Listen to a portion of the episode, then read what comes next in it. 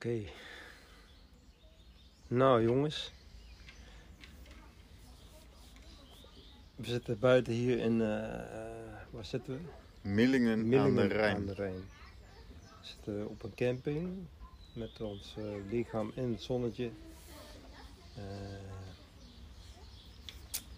Ik zit hier samen met Pieter, Pieter Schortemeijer. Wij zijn al meer, ja, we kennen elkaar al jaren. Daar gaan we het over hebben, hoe we elkaar hebben ja, ontmoet. Ehm, dus eh, het centrale thema van dit gesprek is Pieter. Wauw. ja, vereerd. Is- Maar het werd ook tijd. Het werd een kiestijd, ja. Het is, ja. Hoe lang kennen we elkaar? Vanaf 2011 denk ik ongeveer. Gisteren zei je nog, toen was je 40, Mike. Toen was jij 40. ik en vind- toen was ik 30. Oh ja, 30. Ik zag elkaar, ik zie je nog binnenkomen. Dat was een Ede. Oké, ik ga niet te veel vertellen natuurlijk over je achtergrond, maar ik kan me nog goed herinneren dat ik jou binnen zag komen met, met Gerdo. Gerdo Rozenboom. Ger Rozenboom. Eh, allebei hoodie op, kwamen hier zo binnen. en dat was een bootcamp die wij gaven in Ede.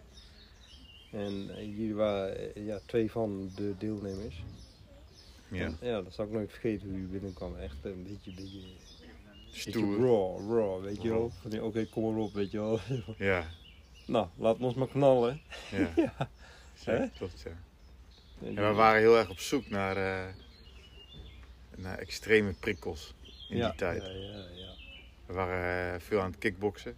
Kickboksen. En Geddo die kwam met het idee om aan te sluiten bij de bootcamp die jullie gaven in Ede. En hoe, hoe kwamen jullie daar eigenlijk? Ja. Via, via een reclame of zo? Ja, wat interessant was, bij ons in Ede had je een eh kazerneterreinen. Ja, heel veel. kazernes, Ik denk ja. er waren drie kazernes op een rij. Ja. Inmiddels zijn ze afgebroken. Er staan gewoon woonwijken nu. Zo, zo snel kan het veranderen.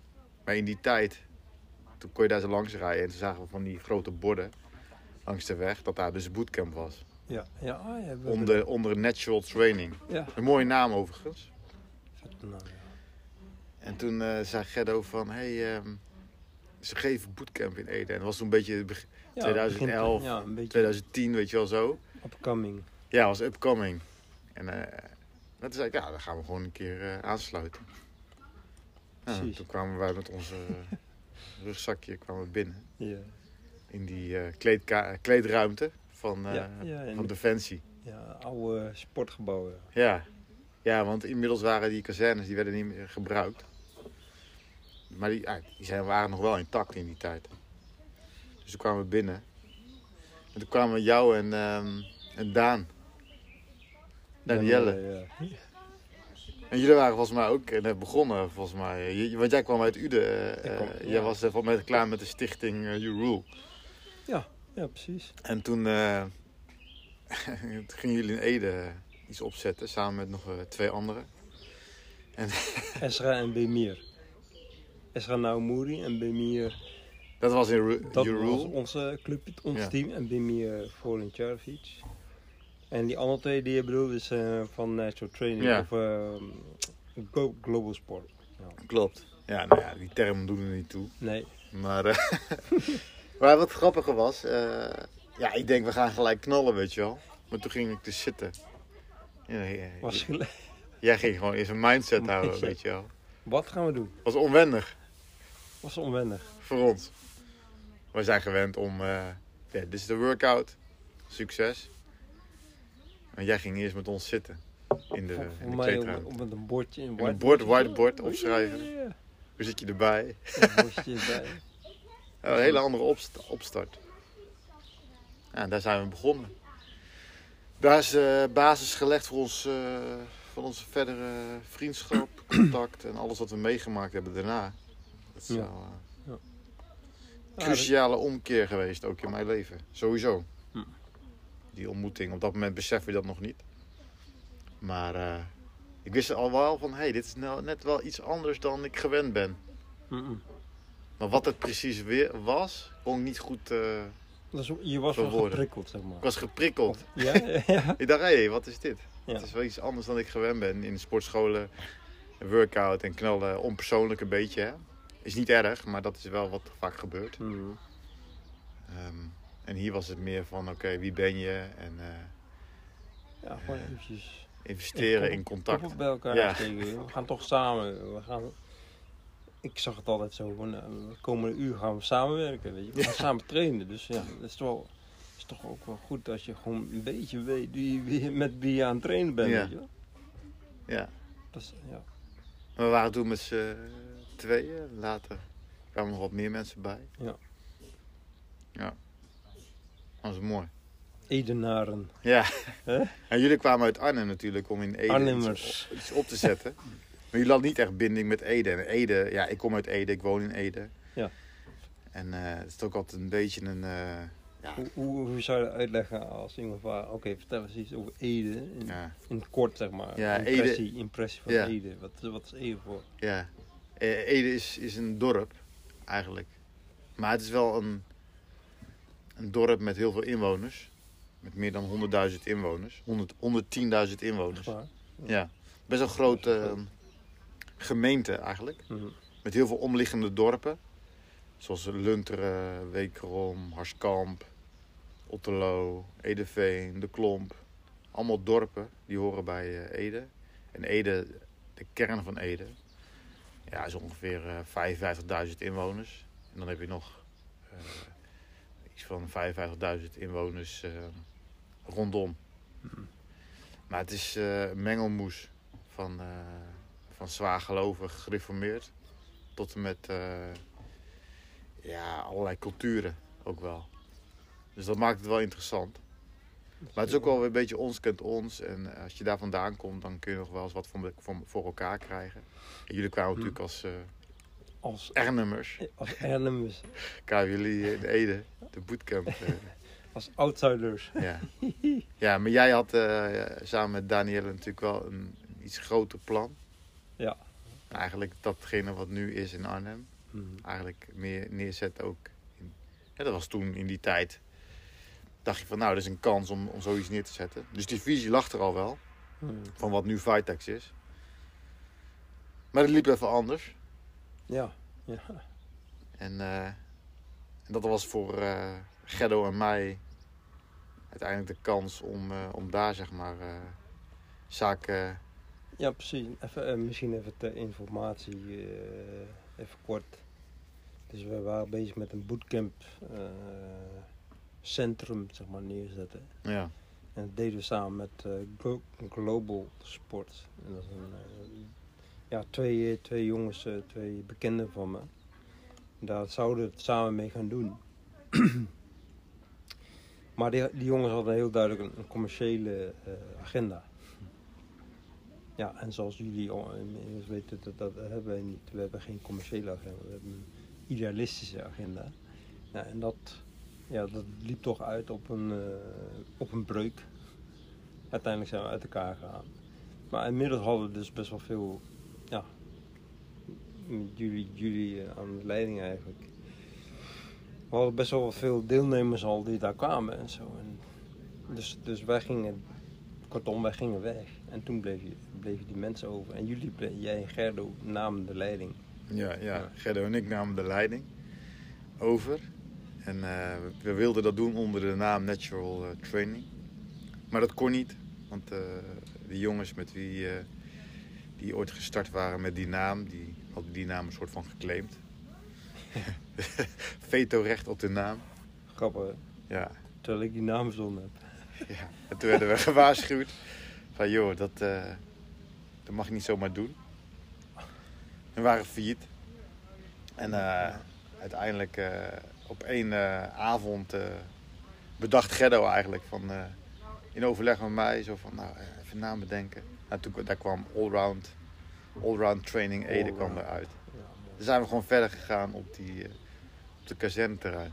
En die bestaat nog steeds, allround. Ja, Allround Training Ede bestaat nog steeds. Sterker, er bestaat steeds meer. Ja, het is een, uitgegroeid tot een hele grote eh, sportschool in, eh, in het centrum van Ede eigenlijk. In het midden van Ede. Mooie, mooie locatie. Inmiddels eh, bijna 500 leden. Dus dat is wel interessant, hè? Ja. Dat, dat uit een ontmoeting, Ontmoeting, is exact. Ja, ja. vanuit een ontmoeting, een keer deelnemen aan een Door situaties die, eh, door, hè, door die breuk en weet je, jullie overnamen en dan Ja, groeit. eh, nu staat er gewoon een. eh, ja. ja, Dat is wel mooi hoor. ja. Ja, we zijn gestart bij die eh Ja, goed, jullie namen het over. Ja. Wij gingen weg. Ja. Wij gingen terug naar Arnhem, om zo maar te zeggen. En jij en Gerdo, wat gebeurde toen daarna allemaal? eh? Ja, ja, Gerdo en ik zijn toen gewoon begonnen met die bootcamps geven daar. En in de tussentijd werden we opgeleid. En hebben we eigenlijk contact gezocht. Weer. Met Gerdo, of met M- Mike en, en, en Danielle. Om ons ook nog een beetje daarin te begeleiden. Ja. En dat is gebeurd. Ehm, en wij gingen daar eh, op het kazerneterrein eh bootcamps geven. En drie keer in de week. Dat deden wij eigenlijk een soort van kosteloos. Op een gegeven moment zei eh Gerdo tegen mij van... Nou, misschien is het wel handig als we ook wel wat eh, geld voor vragen. Voor onkosten. Ja. Dan ging, kregen ze stempelkaarten. Dan konden ze deelnemen met een eh, stempel. Kregen ze een stempeltje als ze deelnamen. En dan gaven ze ons eh 2,50 euro of zo. geweldig. En, dat was Simpel dan- kan het eigenlijk zijn. hè? Ja, ja en iedereen... ja, op een gegeven moment ging dat als een lopend vuurtje ging dat, door Ede heen. En op, op hoogtijdagen hadden we soms als eh 40 man staan. 40 man, ja. En we moesten met z'n twee... eh, Ja, Dude. moest je wel een training ja, voor 40 luiden. en wij- ik had dat ook nog nooit gedaan, weet je wel. Ik had het nooit eh, op die manier eh, Meegemaakt. meegemaakt, maar ook nooit echt bootcamps gegeven. Wel altijd ondergaan. Dus ik had wel wat, wat nodig daarin. Maar niet heel veel. Dat is wat ik nou van, van jou, en niet alleen van jou, maar van velen eigenlijk, die, die bepaalde competenties gewoon hebben, al hebben. Er is niet heel veel voor nodig om, om zeg maar, die, dat, die, transitie te maken van, oké, van deelnemen naar nu ga ik leiding Ja. geven aan de training. Dus Ja, dat is eigenlijk maar een hele kleine stap, maar je moet er wel iets voor hebben, zeg maar. ja, bepaalde competenties voor hebben om dat eh, te kunnen. ja. Ja, eh, maar dit, dat was voor jou niet zo heel, vind ik dan. Dat is wat ik zag. Mhm. Niet zo heel veel voor nodig geweest. Nee. Nee, achteraf eh, misschien niet. Op dat moment denk je altijd, ja, bootcamps zijn belegd bij sportscholen en Ja. eh, daar moet je dan lid van worden. En dan, en, dan, en, dan- en dan kijk je er totaal overheen dat je zoiets gewoon ook zelf kunt doen. Exact. Ja, en, dat, en dat is gelukt. En dat hebben we denk ik twee jaar gedaan. En eh, ja, ik zelf eh, eh, had niet heel erg de ambitie om een sportschool verder te hebben. Hmm. En Gerdo, die vriend van mij, die werkte destijds als, bij de administratie op een, op Meur. bij een autobedrijf. Nagaan, hè? Ja, en die, die, en die had, had veel meer. Hè. Die wilde heel graag die, Die wil echt iets van maken. Die wil Ja. gewoon, ja, die wil gewoon gaan bedrijven. Ja. ja. die wilde een bedrijf van maken. Ja. Toen is Allround Training Ede is overgegaan, eh, ook op een locatie, een fysieke locatie. Op het kazerneterrein hadden we gewoon een schuurtje. Hadden we volgedouwd met allemaal autobanden en materialen. En, eh, en, dat En is- jou een rek. en we hadden een rekje. Calisthenics rack. Ja. ja, want die jongens die failliet waren gegaan, die, die, die zetten dat op de veiling. Toen zeiden wij gaan, gaan bieden daarop. Toen dachten we van, nou ja, dat hoeven we niet eruit te halen, die kunnen we gewoon laten staan. Ja. Zo is het gegaan. Ah, oké, ja. Toen hadden we een schuurtje en een rek en een sintelbaan. Simon. Dat was perfect. Dat is echt perfect. Nou, dan hebben we echt twee jaar lang eh, onze trainingen gegeven. Ja, en dat is uitgegroeid tot eh, uiteindelijk nog een locatie. eh, Ja, toen zijn je verkast. ja, nou, een loods. Ah ja, ja, dat zou ik bijna vergeten. De loods. Daar heb ik nog een aantal jaren in gezeten. Ja, heeft In Allround- woonwijk op mij. Ja, in een woonwijk. Allround Training Aid heeft daar denk ik nog vijf jaar gezeten. En toen uiteindelijk za- was, werd het ook klein eigenlijk. En toen is Geddo eh, is overgestapt naar een eh, helemaal nieuwbouw eh, pand. En daar zit hij nu nog. En daar zit hij nu. nu dat is nu eh, drie jaar zit hij daar nu denk ik. Ja. Dat is al drie jaar weer. Ja. Ja, drie- Ja, heel ja. de corona-periode. Maar uh, zo'n periode geweest hoor. Eh, ja. Ja? Ja. Het zat net in een nieuw pand en dan die hele corona over, overheen over Ja. op zijn dak gekregen. Nou, Ja. ja, interessant. Ja. En nu is Gerdo is 100% eigenaar van eh Allround Training Ede. En ik, eh, ik geef nog, nu nog alleen nog af en toe wat lessen. Hm. Als het echt niet kan. En dat is een beetje hoe ik jou heb leren kennen, Mike. ja man, Ja, mooi. Ja, nou ja, goed, dat is het. eh, het vaardighedenverhaal. ja, exact. Dat is één kant van het verhaal. Is allround natuurlijk. En Ja. eh, trainen en eh, vanuit het bewegen. Hmm. Zo maar te zeggen. Zo zie je toch dat bewegen eh, mooi is. Want ja, bewegen brengt mensen bij elkaar. En dat heeft ons ook bij elkaar gebracht. Ja, Dat we zijn, samen zijn gaan bewegen ooit. ja, Trainen. ja. maar dat is maar één. Dat is tip of the iceberg. Ja, dat, dat, dat klopt ja. Ja. Nu gaan we wat dieper. Nou gaan we gewoon ja, eh, stap voor stap een beetje hoor. Eh, Wat laagjes afpellen. wij kunnen heel diep gaan. weet je. Ja, Maar dat is denk ik ook wel de, de art die wij beoefenen is in stapjes. En die- Ja. die, weet je, ja precies. en wat doe je in je, naast, ja niet naast dit, maar wat doe je eigenlijk het meest? Zeg Ja. maar. Wat is, je, wat is jouw werk? Op dit moment. Ja. Ja. Wat doe je op je werk? Ja. Of wat is je werk? Ja. Ja, ik ben. ehm, ik ben, eh, als je kijkt naar mijn werk. Toen ik jou leerde kennen, wat, Ja. wat deed je toen? Ja, toen, ik, toen je mij leerde kennen, was ik net overgestapt van, eh, van een baan bij een taxibedrijf. Bij noodpersonenvervoer. Daar was ik eh, planner Arnhem. in Arnhem. En ehm, toen, toen was ik net overgestapt naar een baan bij, eh, bij de Permar, heet dat. Eh, Ja, ja. en de Permar staat voor personenmarketing. Personenmarketing. Ja, dat hebben ze eh, Permar. Dat was ik eigenlijk een... het eerst weer. Ja. Nou ja, ik heb je dat nooit verteld. Zo. Nee, En dat was eigenlijk een ehm, sociale werkvoorziening.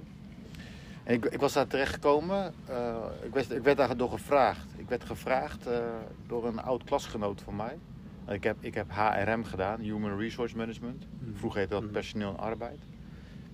Ehm, en daar heb ik, eh, kwam ik een klasgenoot tegen van mij in de, in de supermarkt. En die zei, hey, wat doe je tegenwoordig? Toen zei ik, nou, ik werk met een planner. Oh ja, maar we zoeken nog iemand die eh, mensen kan begeleiden naar, naar werk. En er zijn mensen die een uitkering hebben. Dus ik, oh, interessant. Hm. Ja, dan, we hebben nu een vacature, zou je willen solliciteren? Toen zei ik, ja, is goed, ga ik doen. En toen heb ik dat gedaan en toen werd ik aangenomen. En eh, toen kwam ik in een, eh, in een centrum terecht waar mensen dan eh, naartoe moesten. Die, die moesten solliciteren, weet je wel. Die hadden een Hmm. bijstandsuitkering en die kwamen dan Hmm. verplicht solliciteren. Ja, dan, dan moest ik dan een beetje begeleiden. En de oorspronkelijke functie was eigenlijk een soort van gastheer zijn. Maar toen dacht ik, ja, dat kan ook anders. Dat kan anders. Ja, toen heb ik van 2000, Oei, daar eh, gaan we. van 2011 tot 2013 heb ik daar eh, ja, gewoon een beetje ja, heb ik gewoon gepionierd. Met, eh, Beperk maar al. ja, gewoon met, eh, wat heb ik gedaan? Ja, ik heb gewoon op een gegeven moment allerlei eh, arbeidsmarkttrainingen ontwikkeld, weet je wel. Gewoon eh, mensen laten komen in groepen, groepsgewijs.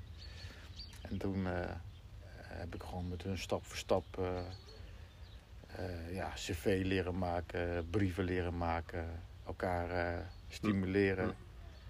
Ehm, ja, het, het werd eigenlijk, mensen kregen een band onderling, weet je wel. Ja. Op, op dat centrum. Ik ging af en toe gewoon ook met die mensen mee. Ja, die gingen met mij mee in de auto. Gingen we gewoon langs bedrijven.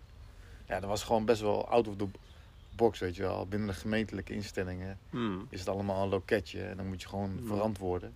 Maar nu ging ik met hun eh, gewoon samenwerken. Je, Ja. ging, ja, je ging buiten die protocol. Ja, ik ging buiten, maar dat werkte wel. En dat werd ook wel gezien. Dat het zo werkte. Ja. Gewoon ook wat jij doet, hè. eh, Je ontvangt mensen in zo'n gym, sportschool. eh, in, in die kleedkamer van, eh, Ja. van... Ja. En je gaat gewoon eerst maar eens met elkaar zitten. Eerst even de koppen bij elkaar. Ja. En zo begonnen we ook die dag met, met die, al die werkzoekenden. Die kwamen dan, s ochtends. En gingen gewoon eerst zitten. Met elkaar om de tafel. Bak Bak koffie. koffie erbij. En dan maar eens gewoon eventjes de, de vorm van de dag vertellen, weet je wel. was gewoon aandacht. Oprechte aandacht. Ja. En van daaruit eh, Opereren. opereren. en ging gewoon een thema behandelen. Oké, hoe, hoe, hoe bel je naar een bedrijf? Als je, als je graag aan het werk wil. Ja, en gingen we dan eh, gingen we oefenen. Zet ik die eh, werkzoekende zet ik dan in een ruimte ergens anders. En dan in onze ruimte had ik dan een telefoon. Dan zet ik op de speaker. En dan ging, iedereen kon dan luisteren. En dan konden ze tips en tops geven. Nou moet ik een beetje denken aan Field Lab. eh, Ja, gaan we het nog over hebben. ja, Maar ik zie ook als een Field Lab, weet je, die gewoon, ja, ja, hoe noem je dat? Train, ja, in het leger zeggen ze wel, train as you fight. ja, Dus dit ook eh, in principe een fight as you train. ja, Ja, als je wil gaan trainen, moet je de wedstrijd daar boven. ja, ja, precies. En hun wedstrijd is, is zo'n gesprek. Ja, het was een gesprek, ja. Mensen zaten daar zaten heel erg tegenop, weet je wel. En die, die, die gingen liever gewoon een e-mailtje sturen of zo, of een brief. oh, Hmm. Maar niet echt persoonlijk contact. Terwijl eigenlijk vanuit persoonlijk contact ontstaat, eh, ontstaan dingen, weet je wel. Ja. Nou ja, dat soort, eh, nou, dus dat heb ik gedaan eh, een aantal jaar. En toen eh, werd de vraag gesteld of ik ja, opgeleid wilde worden als jobcoach. Dat is een formele opleiding, zeg maar. Ik kan me nog wel een beetje herinneren dat je in die ja, Ja, proces zat. ja. Nou, heb ik gedaan. Die opleiding ge- gevolgd. Een klein jaartje. Toen ben ik ehm Dat was officieel jobcoach. Ja. officieel jobcoach. Formeel, formeel. Ja, maar mijn functie veranderde wel. Ik, ik, ik, ging, eh, ik kreeg gewoon een, eh, een- een bestand met mensen die, eh, die of naar werk moesten of al aan het werk waren. Hmm. En dan was het de kunst eigenlijk of ze aan het werk krijgen, of als ze werk hadden, dat ze dat werk ook behouden. Hmm. Maar dat was echt wel bijzonder. Want je had zeg maar een bestand van, eh, ik had iets van een 120 mensen. 120 mensen. Werkenden en een aantal werkzoekenden. Dat was jouw je, je Ja, dossier, je Ja. portefeuille. dus je snapt dat je dat helemaal niet... eh, Dat kun je niet managen. Nee. Even, even uitgaande van onderwijsprincipes, weet je, eh, didactische principes. Eén docent op, wat, wat zeggen ze, zes leerlingen Ja. is, al, is al max. Ja, Dus leiding geeft aan, aan zes hoofden, ja, zes lichamen, ja, is al veel vraag. Ja. En dan heb je 120. ja. En die waren alle, allemaal aan het werk. En, eh, of merendeel was aan het werk. En die hadden allemaal, ja, een, een- ja ze noemen dat een arbeidsbeperking. En vaak zat het op eh lichtverstandelijke beperking Hmm. of psychische beperkingen. Zoals ADHD, autisme, veel. Hmm. Ook wel persoonlijkheidsstoornissen. Ja, daar had je mee te maken. Dus, je, dus je was, ja, eigenlijk stond je als jobcoach altijd aan. Want dat was, je kunt je wel voorstellen dat er altijd wel iets aan de hand is. Dat kan ik me wel voorstellen. Ja, dus je, dit was altijd eh, je dat? curatief. Dus je kan altijd, als Ja. het al ges- geschied was, als het al was geweest, dan moest je gewoon oplossen. Troubelen, shooten. Troubleshooten, Ja, en dan, en dan had je, zat je vaak tussen de, de werkgever en de, en de, de medewerker zat je in, weet je wel. Als je een soort, had je een soort bemiddelende rol of je, je adviseerde de werkgever hoe je daar eh, uit moest komen met elkaar. Maar dat zegt, dat zegt iets over hoe jij kijkt. Ja, Dus, dus ik kan me ook voorstellen dat ja, eh, anderen eh, denken, van, ja, ik heb zo'n groot dossier, dus ik ga, ik ga zoveel... Die denken niet aan kwaliteit. Nee. En jij denkt aan kwaliteit. ja, ja, ik denk Jij ik wel. hebt een kwaliteitskijk. Weet je wel. Ja, ja, zeker, ja. Ja, inderdaad, dat zit gewoon ergens in je dan, hè. Ja. En ehm, alleen ja, dat kan je dan ook, eh, ja, hoe moet ik zeggen. Dat schuurt soms ook wel eens een beetje tegen perfectionisme aan dan. Dan denk je, wilt het gewoon goed doen. Je verantwoordelijkheid. Mhm. Maar aan de andere kant vind ik het ook gewoon gezond. Je hebt met mensen te maken, weet je. Als je het hebt over mensgerichtheid. Ja. Zeker. Hoe, eh, hoe teer een mens kan zijn. In al zijn eh Ja, dit is, wat ik, kwetsbaarheden. dit is wat ik bedoel, Piet. Weet je, dat is ook echt, zo ken ik je ook. Weet je. En dat is ook echt Piet. En het is ook onze co- connection natuurlijk, omdat wij zo kijken. Ja, Wij, dat is die mensgerichtheid waar Ja. wij het over hebben. ja, Dat is voor ons een absolute kernwaarde. ja, Je gaat met mensen te maken. ja, Dus ja. dan kan je toch niet sjoemelen aan de kwaliteit. Nee, Nee, dat, dat, water bij de wijn doen, weet je wel. Ja, Dat, dat is misschien, eh, ja. ja. Nou, dus ik, ik, het was wel echt wel, echt wel hard werken. En eh, Hmm. je stond eigenlijk altijd aan. En, ja, ik had eigenlijk, ik had, eh, ja, ik had natuurlijk, ik ging met jou in die tijd al veel klankborden. Hmm. En ik had in die tijd eh, natuurlijk ook nog mijn eigen eh, issues. Daar kunnen we soms misschien Ja. nog wel even over hebben. Ja. En eh, tegelijkertijd het goed willen doen. Dus in 2016 eh, tot 2017 was ik er even af. Wat was het toen? Was ik er even af. Was ja, ik even ja, ja, gestopt. Ja, even Time out. onder de radar. Ja, was ik gestopt, want het was echt too much. Ja, en ehm nou heb ik even afstand genomen van dat werk. En dat was eh, Binnen Perma nog Ja, toen? Ja. ja, van 2016 tot 2017 oké. was ik even gestopt. Was ook even nodig. Dat kan ik niet meer joh. Ja, ik heb een jaartje, ben ik even, Oh ja, eruit geweest. Eruit man. geweest. Ja, ja, ja, ja. ja. was even zoeken. Time-out. Time Oh, ja, out. Ja, ja, afstand genomen. Mhm. En toen, ehm, Tot de arbeidsmarkt. ja. ja, Ja, mooi man. ja. Ja, nou, nou, ja. En toen had ik een eh, opdracht gekregen om, eh, om weer terug te liggen. Zo gaat het dan, hè? Dan moet je weer gedoseerd, Ja, ja. Gedoseerd terugkomen. Reïntegreren. Reintegreren, ja. Ja. Dus ging dat, ging dat proces ging ik zelf ook aan. Zelf aan, ja. En toen kreeg ik een opdracht om... eh, dat was wel een mooie opdracht eigenlijk, wat ik kreeg. Ik had niet direct heel veel eh, kandidaatcontact. Dus, dus ik had niet heel veel contact met eh, werknemers of werkzoekenden. Ik had nu, kreeg ik de opdracht om, ehm, om werkplekken, werkplekken te beschrijven... waar kandidaten van ons werkervaring op konden doen. Ja, nou, dat, was eigenlijk wel een hele mooie opdracht. Want ja, ik, ik heb er ook iets is moois van gemaakt. Precies. Ik ging helemaal verdiepen in competenties. En eh, ja, er kwamen echt competentieprofielen kwamen eruit. Toen had ik gewoon, ik had zo'n idee van nou, als we nou ook goed die competenties in beeld brengen van de werkzoekende. Mhm. En, eh, en, en, en je hebt goede competenties, gevraagde competenties van de, van de werkplekken. Mhm. Dan kun je super mooi matchen. En de competenties die ontbreken, ja, die kun je dan ontwikkelen. Dus op die manier kijken. Mhm. Nou, daar heb ik gewoon de tijd voor genomen en kreeg ik ook. En, eh, dus dat was mijn opdracht om terug te komen. Toen ben ik weer in 2017 eh, ongeveer gestart. En, maar toen zag dat MT van, van Permar. En nu dan heet dat Werkkracht. Die naam is veranderd. Ik werk nu bij Werkkracht. Die zei, ja Piet, eh, we gaan je gewoon vrijmaken voor dit soort dingen. Dus je krijgt van ons gewoon eigenlijk de vrije hand om te, om te innoveren. Innovatievrijheid. Ja, Ja, mooi. dus uit, uit iets eh, ja, wat in eerste instantie best wel lelijk was natuurlijk, dat, dat uitvallen, dat is dan hoe het dan in je hoofd werkt, is er eigenlijk iets heel moois ontstaan. Ja, dus dat, dat, dat zat ik net aan het denken. Dus het is echt iets moois Ja, dat je een- die periode had. Want het is een, een voorwaardelijk geweest voor ja, waar ik nu sta, ja. waar je nu staat. was a blessing in disguise. Ja, ja. Blessing in disguise, ja. Ja. Ja, dat is ook, ook gewoon een zienswijze. hè. Dus die zienswijze is ook veranderd. Ja, En nu zien we het als een blessing.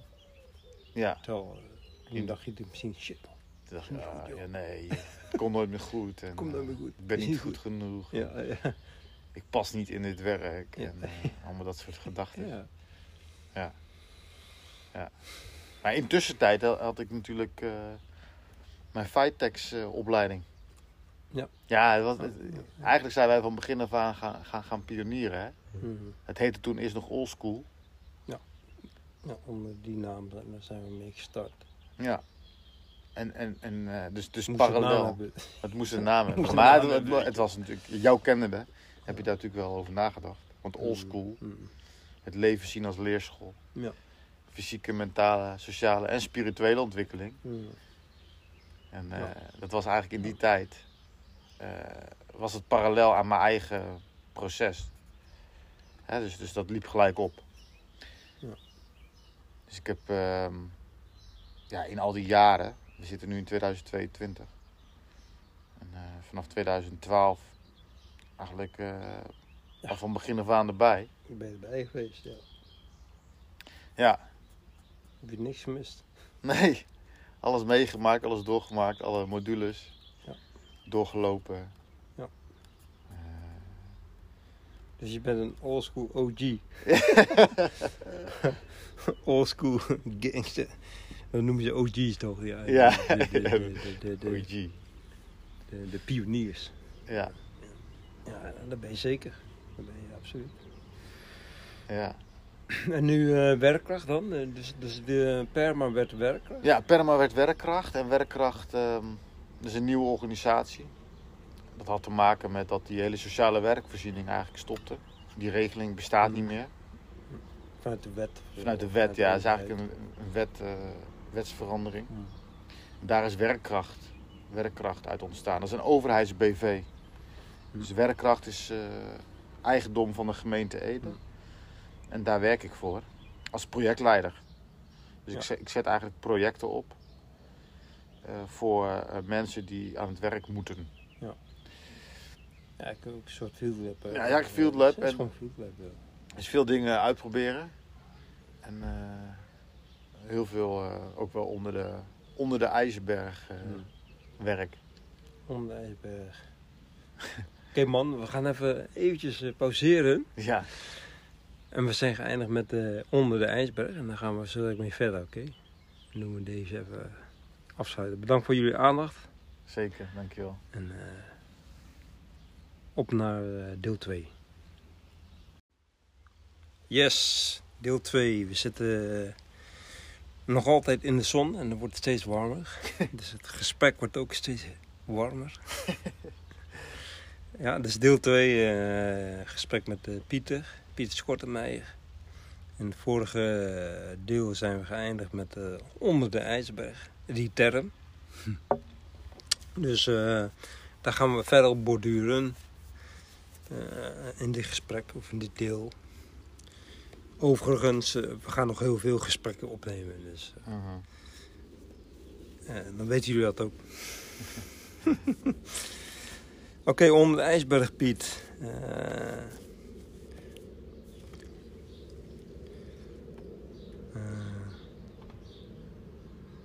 hoe, hoe kwamen we op, op onder de ijsberg net? Dat ben ik even, even vergeten. hoor. Ja, wat, het was eigenlijk zo dat, dat je vroeg aan mij van het werk wat je nu doet. Ja.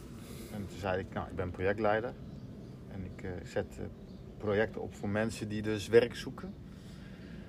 En die projecten zijn helemaal, zijn allemaal helemaal in het teken van eh, mensen aan het werk krijgen. En ja, dat zijn allerlei soorten projecten eigenlijk. Hm. Dus ehm, vitaliteitsprojecten zitten daarin. Dus de Cool, leefstijlinterventie. ehm, maar ook een project zoals Fit In, dat is voor mensen met psychische beperkingen. Eh, maar ook wel competentiegericht ontwikkelen. Dat soort projecten. En soms is niet altijd zichtbaar eigenlijk eh, wat ik doe in de organisatie.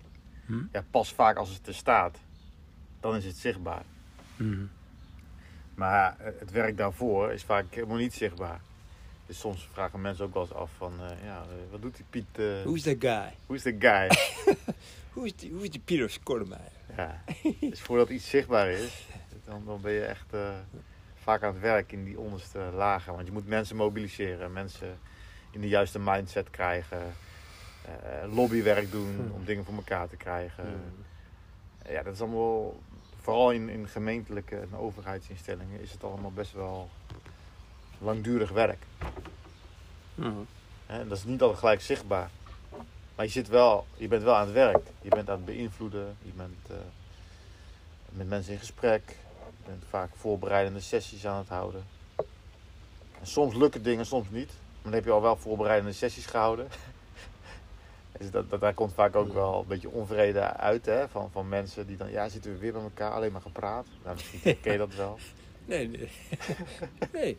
Dat heb ik nog nooit. Nee, jongen. Ja, Super ja, maar, ja, herkenbaar. maar aan de andere kant, als je, als, je, als je zomaar iets start en je hebt mensen niet meegenomen, dan is het ook niet goed, weet je wel. nee. Dus het is, is, eh, en als iets wel lukt en je hebt mensen wel meegenomen, ja, dan staat er iets moois. Ja. Maar van de, van de, van de drie eh, dingen die je initieert, blijft er misschien eentje over of zo. En, maar ja, je bent wel op alle drie de energie aan het insteken. Mhm. Investeren. Ja, investeren. Nou, gisteren, gisteren hebben we een, eh, een heel stuk van onze wandeling hebben we het hierover gehad. Over, over, over niet gezien worden. Ja. Zo grappig hè, die term. Maar daar hebben we het over gehad, dat is ook te verklaren, weet je. ja, het ging daarover. Ja, En dat triggert mij dan. ja. Want ik wil graag gezien worden. Dan is de vraag natuurlijk, wat wil dan graag gezien worden? ja. Dat is toch een soort van... eh, En dan, dan komt die ijsberg, je Ja. eigen ijsberg om de hoek kijken. ja. Ja. Want we, laat ik zo zeggen, field labs opereren als goed in, in het onzichtbare of het niet direct zichtbare. Mhm. Daar lopen wij zeg maar in te vroeten. Als je Ja. het over processen hebt, dan, ja, eh, dat is de ijsberg. Ja. Grote, grote deel van de ijsberg, het grootste gedeelte van de ijsberg is niet zichtbaar. Maar dat is wel ons, zeg maar, ons werkgebied. Ja. Ja. Ja, en, en, en, en het merendeel van de, van de mensen zit natuurlijk te werken op het topje van de ijsberg. Ja. Ja. Zichtbaar. Ja, dat is, natuurlijk, dat is ook goed. Maar het wordt niet altijd gezien dat, dat voordat het daar is, Nee, kan ook dus niet. weet je, voordat er een, methodiek staat, voordat er Ja. een project staat, daar is, daar is zoveel werk aan vooraf gegaan. Ja. Ja. Eh, ja, dat, dat wordt vaak wel niet gezien. Vooral niet als je, als je in dat proces zelf bezig bent. Mhm. Ja, dan, en- maar het is nog niet zichtbaar, of het project staat nog niet. Ja, dan ben je wel actief al met, met heel veel zaken die daaronder zitten. En dan, eh, ja, dat wordt dan vaak geïnterpreteerd als van, eh, ja, Ja. Pieter is druk, maar waarmee eigenlijk? Ja. Ja, en eh, als, als ik, ja, ik ben daar wel gevoelig Wat doet voor. hij eigenlijk? Wat doet hij eigenlijk? Wie is die man die op Ja, zondag ja. het vlees snijdt? Ik doe zo reclame, toch? ja, ja, ja. Die is altijd weg. Wie is die Pieter met zijn kutpad? Ja, we we zijn nu een Pieterpad aan het lopen en we kwamen een cartoon tegen. Ja.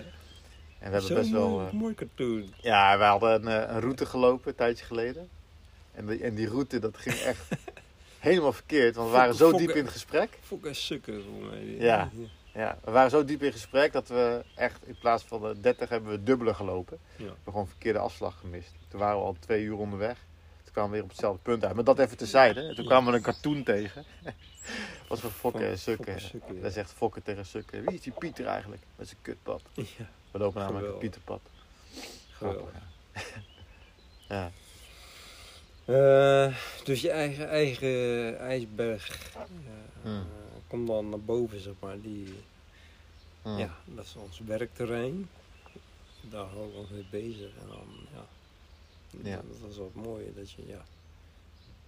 Gisteren hebben we het ook nog zo benoemd, toch? Ja, in feite ben je je eigen eh, meetinstrument. ja. Weet je nog? Dat stuk waar we over, over... Hoe meet je dan wat onder de is? Mhm. Hoe meet je dat dan, hè? Mhm. Dat willen, dat willen mensen weten, maar die zitten vaak aan de bovenkant. En gaan van daaruit kijken, hoe doe je dan meten? man? Dat Mhm. is toch niet zichtbaar? Dat Ja. Dat moet gelijk zichtbaar zijn. Ja, an- anders. Ja, exact. En dan is, is het ja, je eigen ijsberg Ja. kennen, Ja. onderzoeken, is je, eh, dat is een meetinstrument. Mhm. Ja. Zo zie ik dat nou wel als je dan tegen dat soort. Issues aanloopt. Ja, Ja. Ja. Ja, en dat komt ergens vandaan inderdaad. En ehm, ja, dat gezien willen worden. eh, wat wil dan gezien worden? Dat je een soort van erkenning krijgt. En allemaal hele logische, logische dingen. Ik denk dat iedereen het wel herkent. Maar het kan soms ook in de weg zitten, weet je wel. Hmm. Eh, dan ga je in één keer heel erg streven. Eh, of ga je misschien te snel. Hmm. Terwijl het eigenlijk, eh, ja, het kan niet altijd heel snel of zo. Maar daar had het ook over, de resultaten. Dus ja, de meeste mensen begrijp, hebben een begrip van resultaat, wat alleen maar direct zichtbaar is, het Ja. toppen van de ijsberg. Ja, Maar ja, als, als field labbers ja. Hebben wij, onze resultaat is altijd, de resultaat is altijd, maar niet zichtbaar. Mhm, mhm. Nee. En als, als je in een omgeving bent waar iedereen op die manier naar resultaten kijkt, Mhm. dan, dan word je inderdaad, Ja, dan wordt het lastig. ja, Nee, shit, ik moet toch iets harder werken. ja. Anders kunnen ze het niet volgen. Nee, nee, precies. Maar door, eh, door, door schade en schande word je Mm. wijzer. Eh, maar dat soort processen heb ik wel doorgemaakt natuurlijk. Mm. En ehm, ja, parallel daaraan natuurlijk eh, hebben wij daar ook heel veel eh, over gesproken. Mm. Dus dat is ook wel belangrijk voor mij geweest. Of is nog steeds belangrijk voor mij. En in de loop der jaren is het natuurlijk wel zo dat, het, dat je merkt dat eh, je zelf ook wel volwassener wordt, wijzer wordt. Eh, maar daarin is, is de, mijn, mijn eh, connectie met eh Oldschool Fightex is wel eh, van groot belang geweest. Absoluut. Ja. Mm.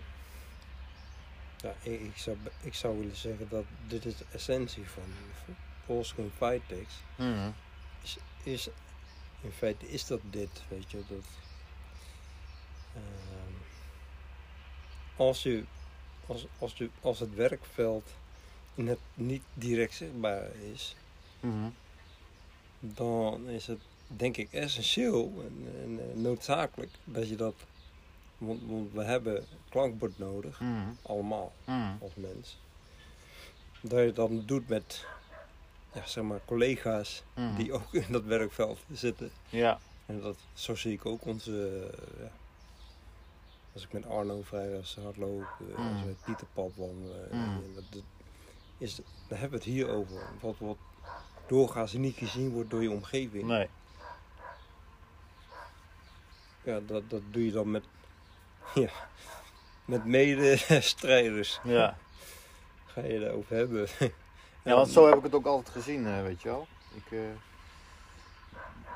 weet je wel, we, we, ehm, je opereert uit, vanuit Fightex of Oldschool als, als een soort van backup.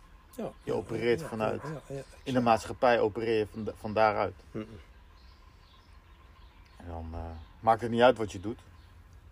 Ik, eh, wat, ik, eh, wat ik doe is, is dan werkzaam zijn in de overheidsinstellingen. met, een, met een doelgroep die, die vrij kwetsbaar is. Dat is wat ik doe. Mm. Maar dat kan natuurlijk ook heel Ja, ja, anders zijn. En- Zo, dat, eh, Ja. dat maakt inderdaad niet uit wat je Nee. zegt. Dat maakt niet uit. wat- Nee, maar in, in, het, eh, in het begin eh, dacht ik wel, hè, dat, toen ik in a- aanraking kwam met eh oldschool fighters, dat het allemaal sportgeoriënteerd was. Ja, Weet je wel? net als iedereen. Ieder- Iedereen Ja. heeft wat. Ja, Komt zo binnen. ja. zo kom je binnen. Kan ook niet anders. Nee, we zijn herkenbaar aan de trainingspakken. Ja exact. Trainingspak, eh, sportomgeving. Ja. Kan ook niet anders. Daar komen we ook allemaal vandaan, weet je. wel. ja. Dan kom je op het punt van eh, dat het alleen maar een middel is. Een belangrijk middel, Ja. overigens.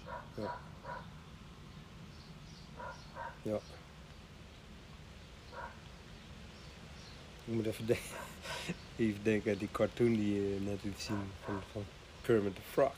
Oh ja. Van Kermit. Hè, die, die arts of die psychiater, wat ik, die, die zegt. Diagnose foto houdt die voor zich en dan zie je die hand aan de binnenkant van Kermit Ja. te kikken.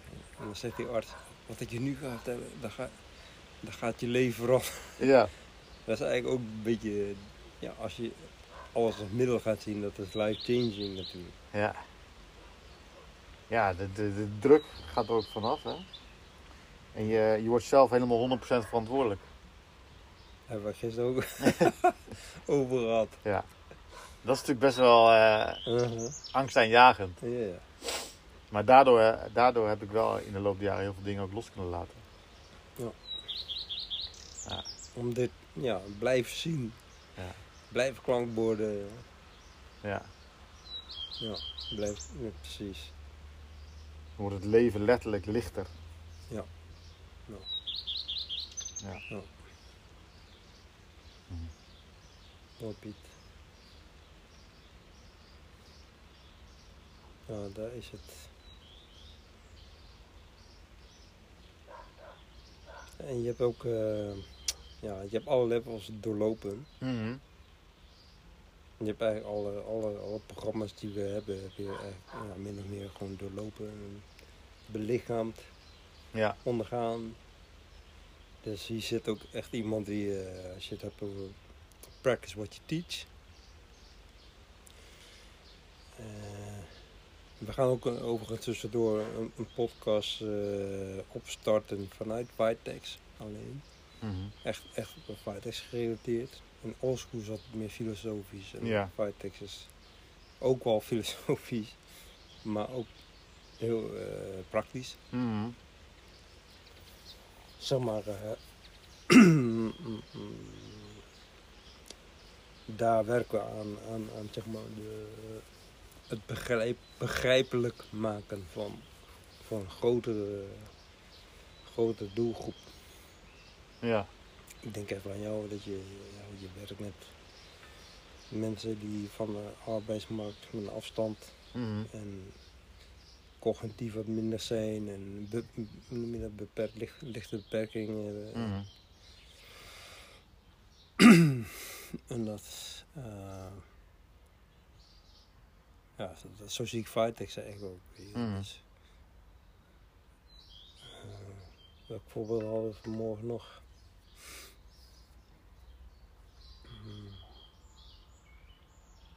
Dat, dat, we kwamen erop dat er cognitie, het gaat niet om de cognitie. Mhm. Dat vind ik eh, ook, ja, daarbij ook een Ja, voorbeeld van. Dat- dat- ja. Kun je Ja. iets over vertellen? Over die, dat gaat niet per Ja, se nee, om cognitie. dat klopt. Ja. Nee, nee dat, wat, wat, eh, wat, wat mij in de loop der jaren gewoon steeds meer... eh, dat kwartje is steeds meer gevallen eigenlijk. Hè, is dat juist zeg maar het, het binnenwerk. Is de brug naar mindfulness. Ja, het binnenwerk is niet... niet eh, eh, het, is, het is conflicten of innerlijke conflicten, dat kennen we allemaal wel. Emoties, gevoelens, stemmingen. Ja. Die zijn niet op te lossen met, een, eh, met, de, cog, met de cognitie. Hè, met, met, met, met het verstandelijk, verstandelijk beredeneren.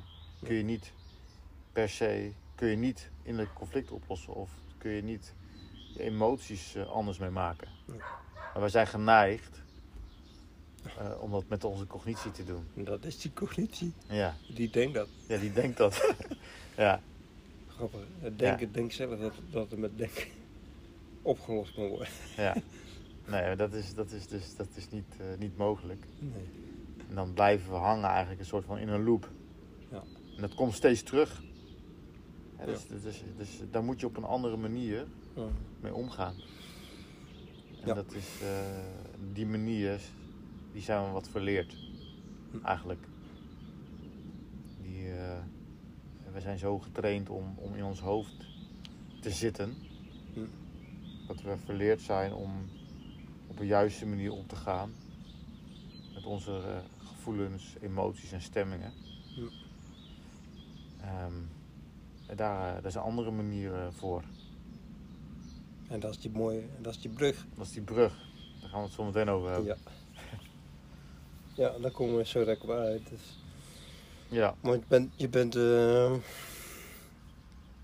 nou ja, je begon met allround en eh perma, werkkracht. Nou, altijd, altijd, eigenlijk al in de lijn ben je gewoon altijd met mensen bezig. Ja. Niet zo raar dat je human resource Ja. bent gaan doen ooit. Ja. Ehm,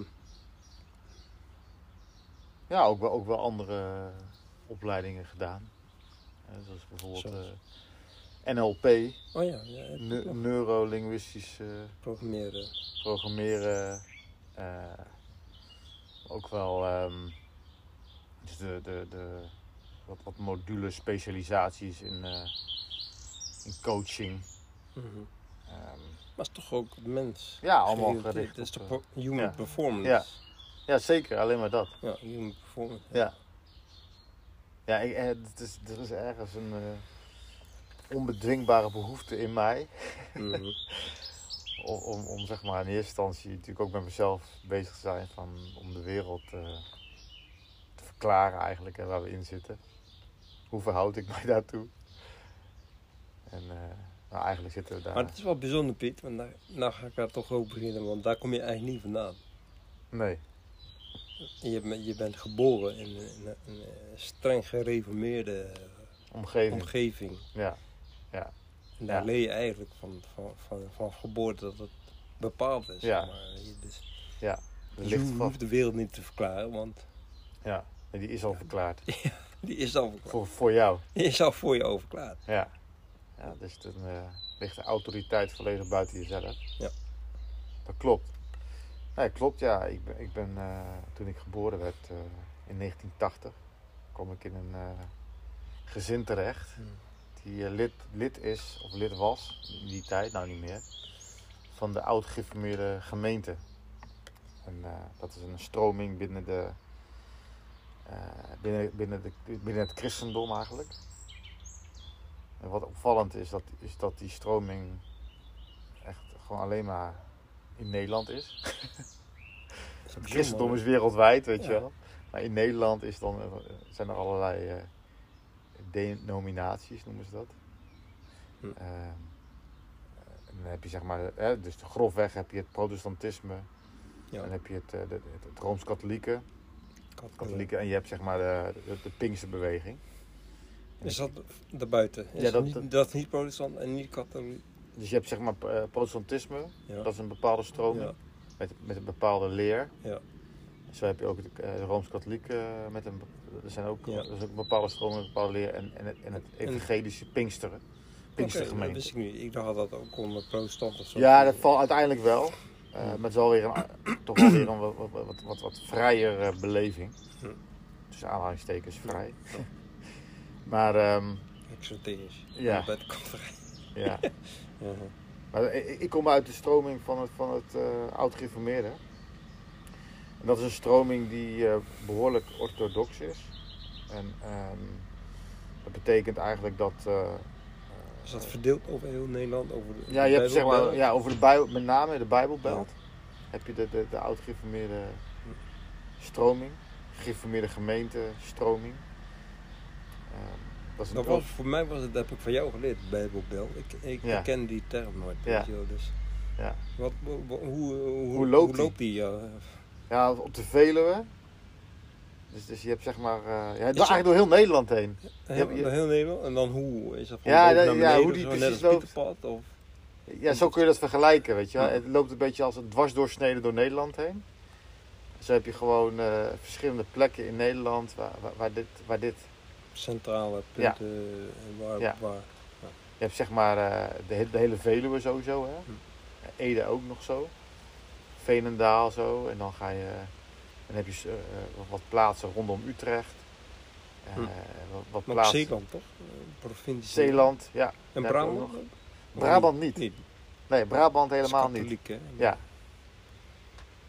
Ja, dat is katholiek. Grappig. Ja. Interessant. eh. Maar, oké. Ja. ja, hoe dat ontstaan is. Ja. Ja, maar daar, daar ben je dus eh, terecht gekomen toen je geboren Ja. Je werd daarin geboren in, in in cultuur. geboren. Ja. Ja. Ja. en dat betekende nogal wat voor mij als kind.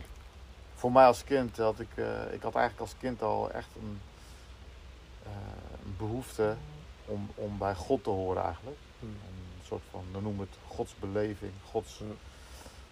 Ik had heel erg sterk de behoefte Om, om, daar, om daarbij te horen. Maar tegelijkertijd werd verkondigd dat dat niet kon. Ja. Je kon niet uit jezelf Ja. Ja. bij God komen, zeg maar. Maar Dus, ik weet- ik dus weet- het- wat, wat creëer je dan? Angst. Angst, Ja, want, want waarom creëert een dat angst? dissonantie.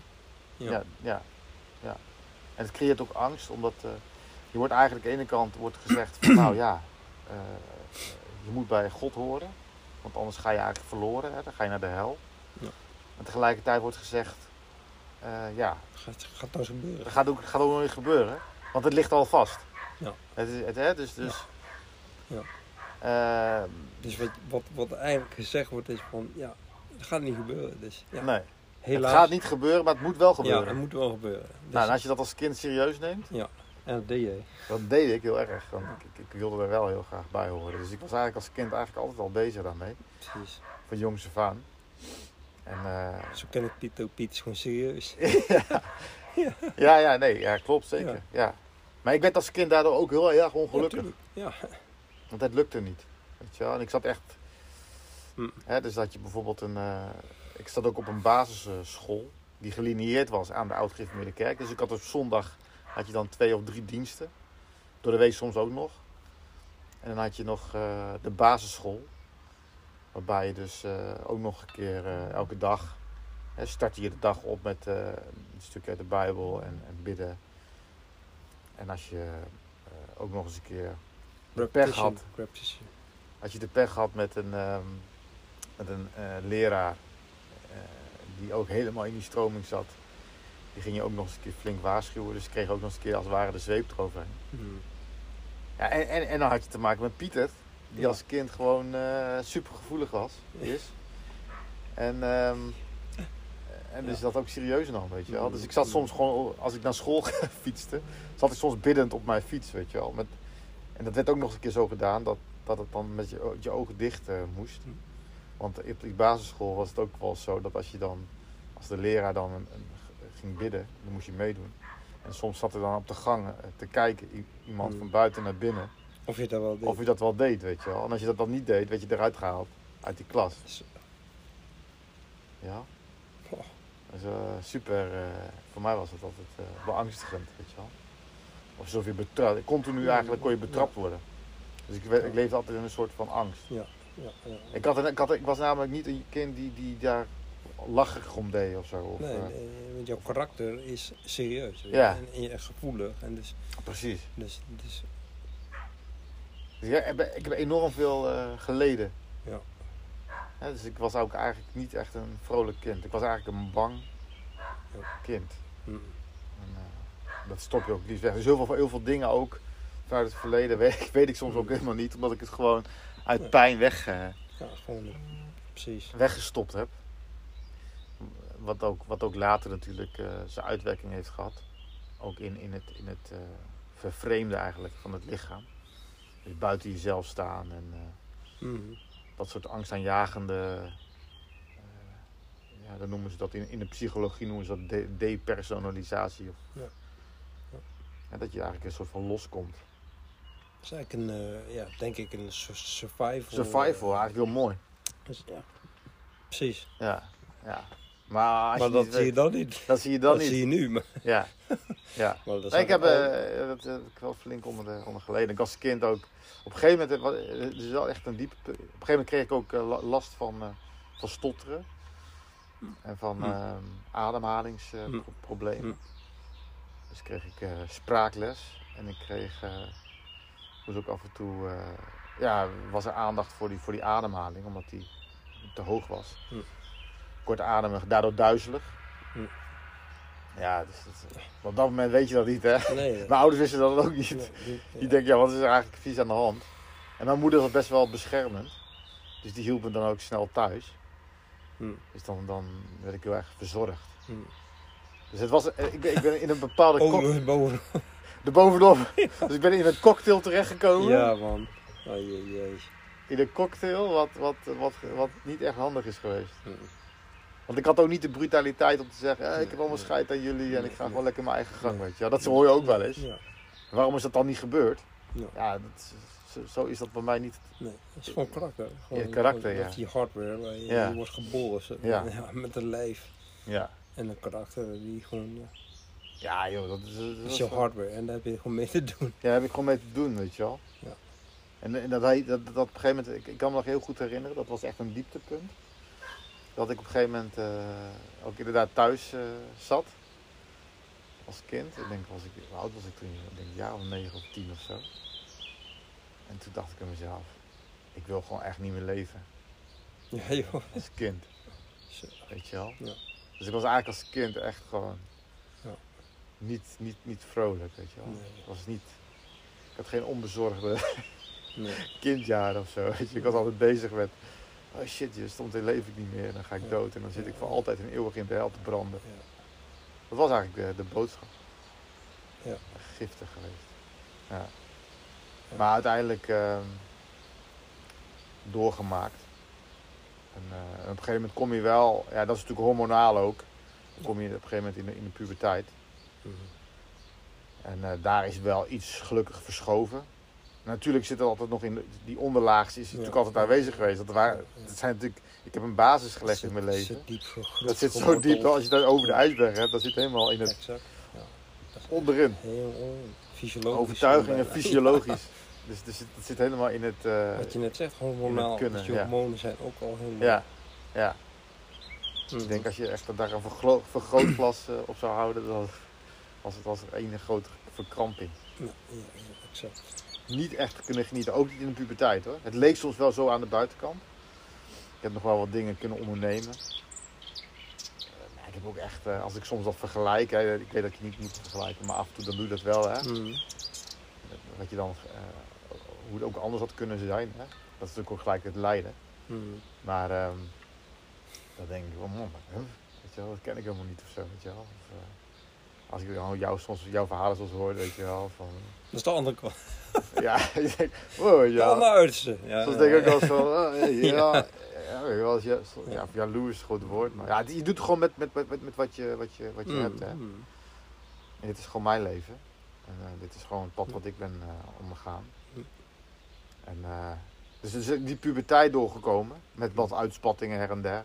Wat denk ik ook wel heel gezond is. Maar ook echt wel heel erg binnen de perk hoor. En toen, eh, totdat ik op, eh, dat kan ik me heel goed herinneren. Dat ik, eh, dus op een gegeven moment kom je in een fase dat je vanaf donderdag, vrijdag, zaterdag ga je dan uit en zo, weet je wel. Ja. Ik ging wat minder naar de kerk en zo. En, Het was niet een jaar of...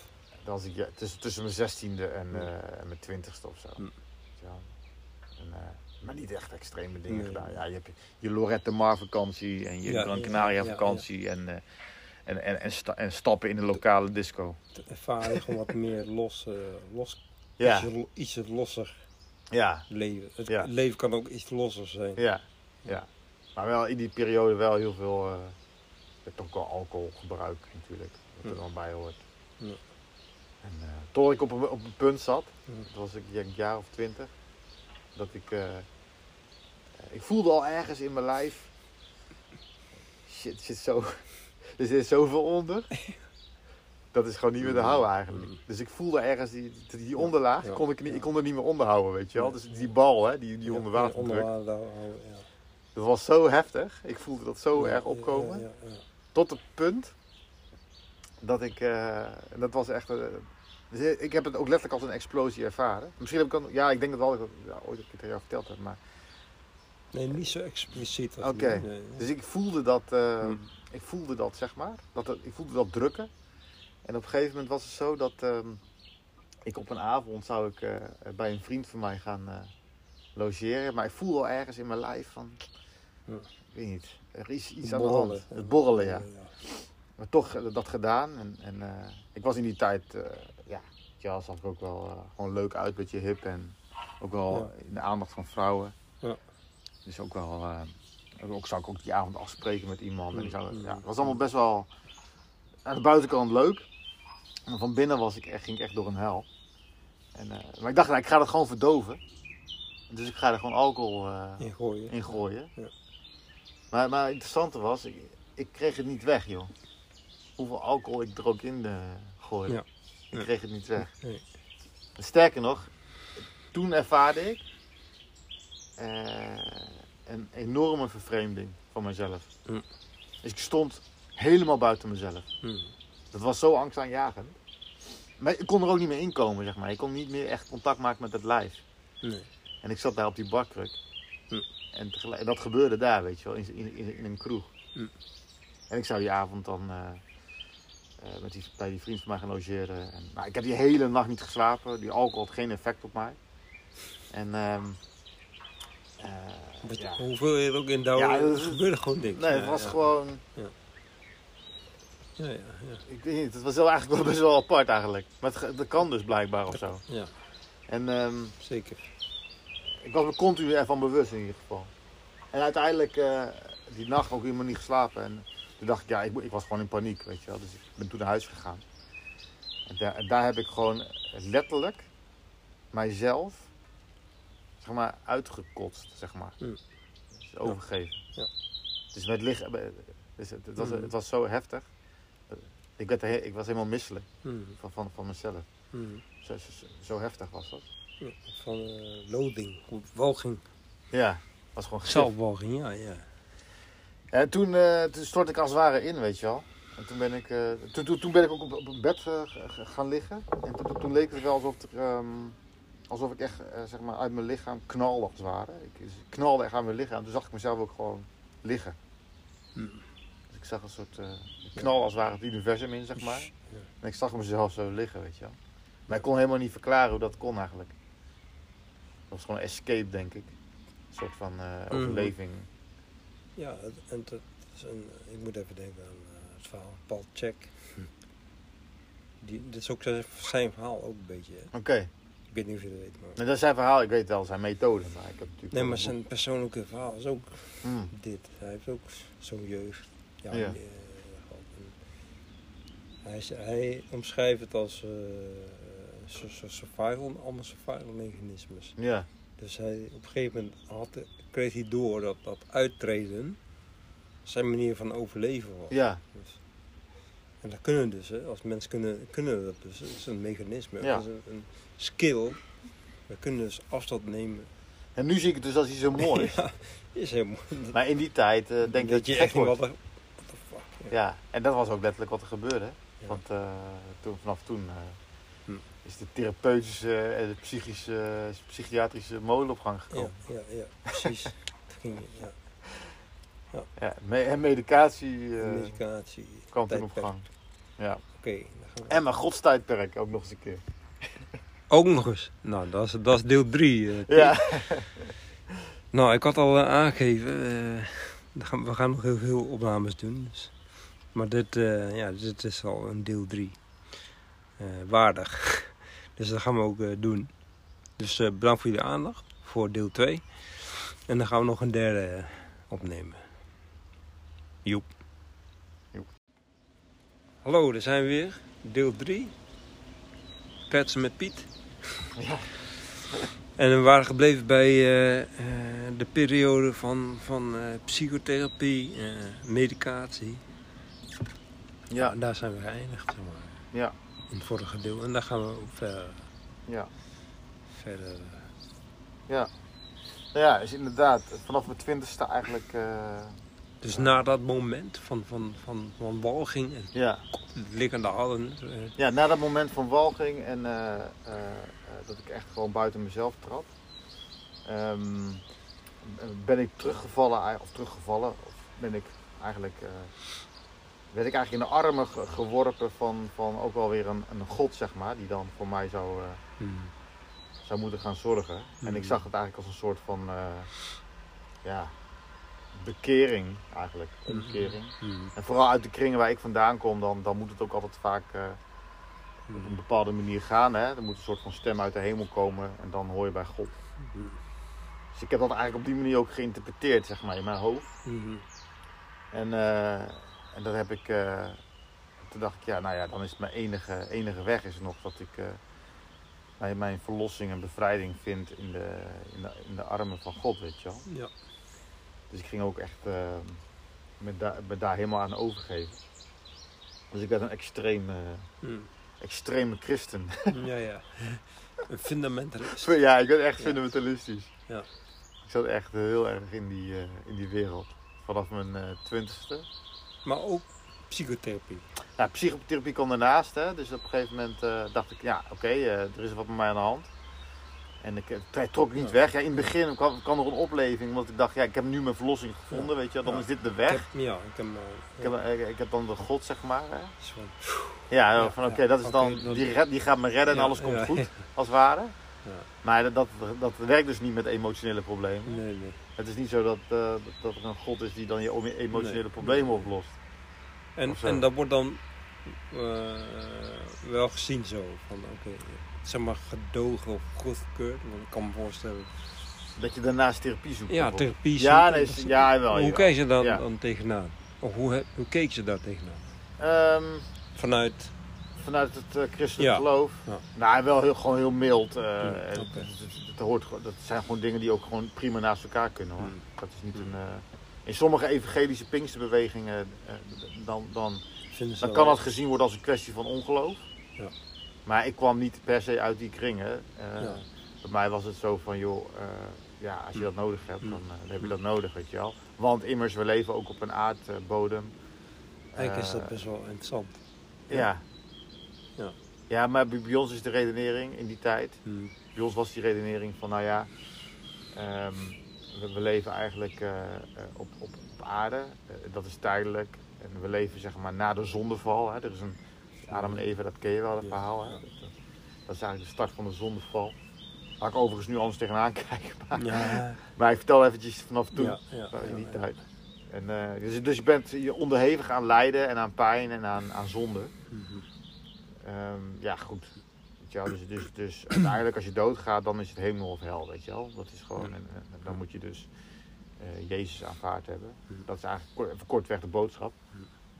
Maar in ieder geval, dus ik dacht nou oké, dus ik ga dus ook die, die therapie volgen. Maar daar zat dus een stap voor. Mhm. Dan moet je eerst langs een psychiater. Die gaat dan eh jou, jou diagnose. diagnose stellen. Ja. En nou, dat is bij mij ook gesteld, die diagnose. En dat, ehm, dat was een diagnose van, eh, eh, ze noemden dat, ik weet nog heel goed, forse identiteitsproblematiek. En dan eh, met onderliggende borderline symptomen. Zo is het omschreven. Ja. Ja. Ja. en er stond ook nog Eh, iets als van NAO. Dus het was ook een soort van mengelmoes. En dan dat NAO stond dan voor niet anders omschreven. Dus ze konden er eigenlijk ook niet echt iets voor vinden. Maar er was wel iets aan de hand. Ja. er, was, er was iets aan de hand. Ja, dat voelde ik ook wel dat er iets aan de hand was. ja. En ik wilde er dan vanaf. Weet je wel. Maar dat was niet zo makkelijk. Want Hm. eh, het was wel zo hevig dat ze, dat ze mij medicatie eh, voorschreven. Dus ik kreeg medicatie vanaf mijn twintigste ongeveer. En dat was eh, paroxetine. eh, 60 milligram. Dus ik was redelijk verdoofd. Mhm. Een tijd lang. Was, was misschien ook wel even nodig. Mhm. En eh, nou, dat was wel fors in ieder geval. En tegelijkertijd eh, moest je dan, als je dan, eh, de, de, de beredenatie is dan zo, hè, dat je dan eh, en medicatie slikt. En tegelijkertijd moet je dan ook therapie volgen. Ehm, dan werk je zeg maar eh, Ja. eraan. Nou, dat heb ik gedaan. Ik heb toen, eh, ik denk, twee of drie jaar lang, denk ik, in groepstherapie gezeten. En dat was dan Hm. één of twee keer in de week of zo. Zat je met een groep. Dat werd dan begeleid door therapeuten. En dan, ja, en die groep dan werd dan ook vaak gebruikt om,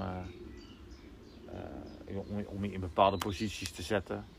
Ja. Ehm, Ja. Die groep werd gebruikt om ook eh, jou te triggeren. eh, zodat Ja, je ook daar gewoon aan wer- kan werken. Het is gewoon groepsdynamica. Ja, groepsdynamica. Ja, op dat moment weet ik dat helemaal niet. Nee, maar nee, op, dat nee. moment, op dat moment zit je daarin. Ja, je- En, en ga je en werk jij jezelf. Ja. Nou, op zich is dat wel, wel, wel goed geweest hoor. Eerlijk gezegd. ik denk Een stukje eh, hulp.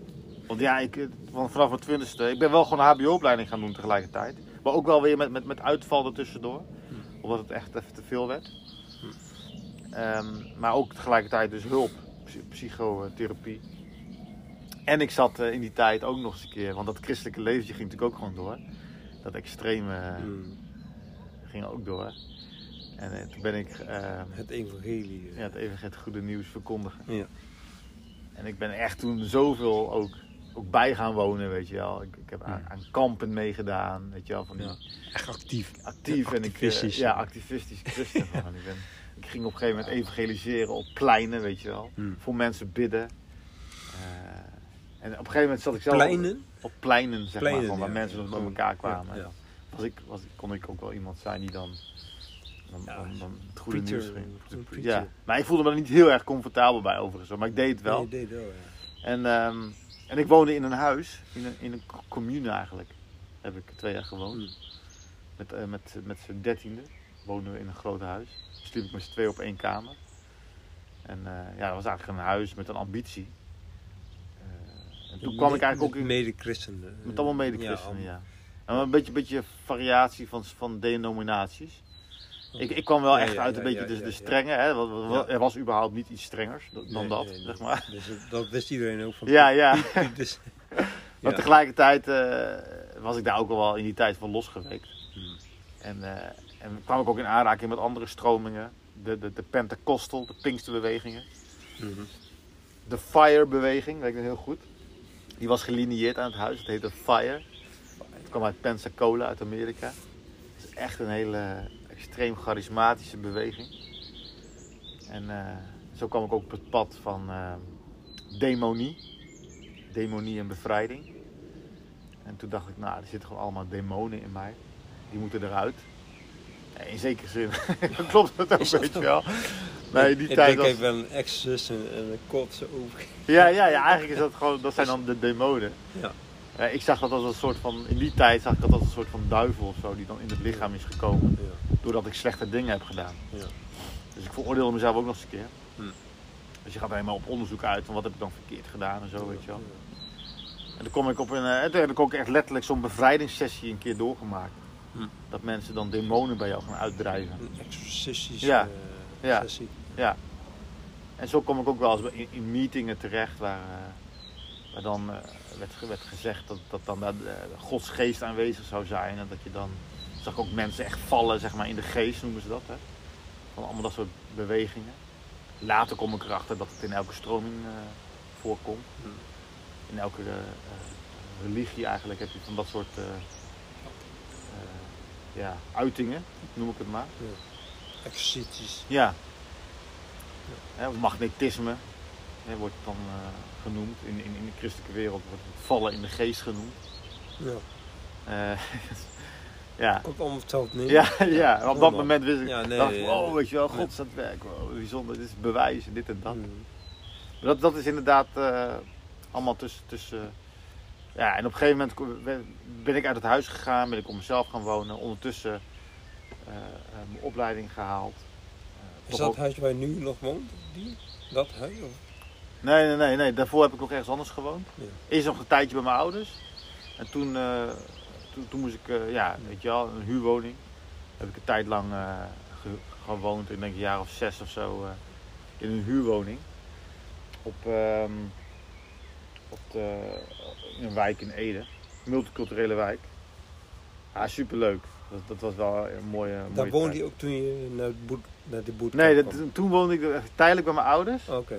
En toen ben ik inderdaad Ja, in dit gaan wonen waar ik nu woon. woont. Daar woon ik nu vanaf 2013 of zo. Hm. Maar in ieder geval die, die, die tijd eh, tussen mijn eh, eh, eh, twintigste en mijn, eh, ik denk 33ste ongeveer. Stond helemaal in teken van, eh, eh, van, van psychologen, psychiaters, medicatiegebruik. Hm. Eh, ik heb een aantal psychologen gehad. Hm. Ook nog een christelijke psycholoog. Hm. Dus echt ontzettend veel eh, zelfonderzoek gedaan. Hm. Ik knal ook echt helemaal in de, in de therapeutische taal natuurlijk. Hm. Hm. Eh, ja, Altijd zoveel. handig, altijd handig. Ja, ja. enorm veel eh, doorgemaakt eigenlijk. Hm. Doorgeworsteld. Hm. En toen, eh, totdat ik natuurlijk in aanraking kwam met, met die bootcamp. wat, wat eigenlijk een onschuldige bootcamp zou zijn. ja. Maar dat vind je zo Dat was niet zo onschuldig. onschuldig, want daar is wel eh, li- life-changing eh, eh, is dat geweest. Hm. Want wat daarna is ontstaan is natuurlijk een vriendschap met jou, Mike. Hm. En, en dat was wel mooi. Want ook, wel, ook wel soms niet mooi. Hm. Want dat heeft ook wel zijn struggles opgeleverd. Want ik kwam, ja, ja, wel, ik kom uit een bepaalde wereld. En, en, en, en, de, de old school Vitex visie is een bepaalde visie. En dat komt dan bij elkaar, weet je wel. Dus jezelf onder ogen zien, eh, zonder verdoving leven, face it, weet je wel. Responsibility. Natuurlijk wel allemaal gedoseerd. Allemaal Hm. gedoseerd. Hm. Dus ik heb ook zo op die manier gedoseerd afstand kunnen nemen van, eh, van Hm. antidepressiva. Ben ik echt enorm goed door begeleid ook, hè? door jou. Ja, ja, Maar ik, ik, vanuit mezelf wist ik gewoon, het moet stoppen. De ja, medicatie. Die, ja, precies. Die wil had je. En die ook wil, ja. motivatie had je. Ja, De motivatie was heel sterk. Ik heb Ja. toen, eh, toen ben ik in die, dat was in de zomer, ben ik, eh, ging ik op vakantie naar Frankrijk samen met mijn zus en mijn zwager en, eh, en kinderen. En ik had een eigen tent. En, eh, ik had niet tegen niemand gezegd dat ik dat zou gaan doen. Ik zat daar toch twee weken, tweeënhalve week. Ja. Ik dacht, ik ga gewoon dat gebruiken om, eh, om af te kicken van die eh, medicatie. Nou, ja, als je dat dan 14 jaar gebruikt, dan, eh, Dat heb je gewoon gedaan, joh. Snap je wel, eh, wat, je, wat voor effect dat kan, eh, kan zijn. Maar ik heb het daarna nooit meer eh, gebruikt. Ja. Maar wel, ik denk zo'n anderhalf jaar last gehad van schokjes. Een soort van Ja. elektriciteitsschokjes in het hoofd. Ja, Dat begon met echt, Mhm. echt 30, 40 keer per minuut. Dat was in de eerste week eh, zo. Per minuut. Ja, echt een echt schokjes. Hmm. Ik kon ook niet zo snel met mijn hoofd bewegen. En pas later is het afgenomen. Nou, soms nog een keer in het uur. En op een gegeven moment is het, ja, nu is het helemaal weg. En eh, mensen hebben ook letterlijk aan mij gezien, zeg maar, dat, dat er een soort van waas Afgenomen. afnam van mijn ogen. Ja. Dus het, het was gewoon een Ja, soort van ja. bevrijding nou, ontstond er. Mhm. Ja. Ja, en eh, vanaf die tijd ben ik me eigenlijk veel meer bezig gaan houden met zelf... Ja, ik zeg altijd, Ja, noem dat? ja, zelfonderzoek, dat deed ik al wel op een bepaalde manier. Eh, maar dit was toch Maar dan- anders. Maar dan clean. Ja, clean. Clean, ja. Ja, en de, en, en de, de, de, de, de religieuze kant, de, de, de, de, de wettische kant van het christendom, de, Wettisch. de ja, exoterische ja, kant, Ja, ja, ja. dat is exoterisch, Ja, de buitenkant, eh, ja, dat, dat, eh, die, die nam af. Dus ik ging, ben meer de, naar binnen gegaan, ook, ook in het, in het, in het eh, christendom eigenlijk. Ik ben veel meer eh, nu gekomen op het punt van de, van de mystiek. Het esoterisch, esoterisch pad. Ja, het Ja. esoterische pad eigenlijk. Natuurlijk blijft het christelijk geloof altijd wel ergens dat je daar iets mee hebt. Tegelijkertijd eh, eh, eh, moet je het ook kunnen loslaten. Weet je wel? Dus ik heb het ook al ergens losgelaten. En tegelijkertijd ontstaan dan juist Juist. hele mooie dingen, weet je wel. Dat is eigenlijk het ja, geschenk. Op het moment dat je het esoterische pad bewandelt ja, en dat begrijpt, dan, dan zie je ook wat. Dan, dan ontstaat dat onderscheidingsvermogen. Dan zie je ook wat exoterisch is. ja, ja, Daarvoor kon je de onderscheid niet maken. Dus Nee. ja, dan is er maar één pad. ja. En dan zie je dus ook niet wat exoterisch is. Nee. Nee, precies. Pas als je het esoterisch hebt, dan kun je zien dat het exo- wat exoterisch is. Ja, En dat is, het, dat is het geschenk zeg maar, wat je krijgt. Ja. Dat is gevolg. ja, dat is een gevolg. Ja. Ja, en dan kom je ook gewoon uit op, op allerlei hele mooie, mooie ontdekkingen, weet je wel. Van, ehm, eh, dan kom je uit op, zo, op zoveel mooie, mooie ontdekkingen. Dat je, dat, je, dat je in één keer ziet van, hé, weet je wel, hey, binnen de islam heb je ook een eh, Ja. mystieke stroming, weet je wel. Het. Soefisme. Hey, Ja. binnen het boeddhisme heb je ook een eh, Ja. Ja. mystieke stroming, hè. Ja. Dat is eh, de, de, de, de Dzogchen.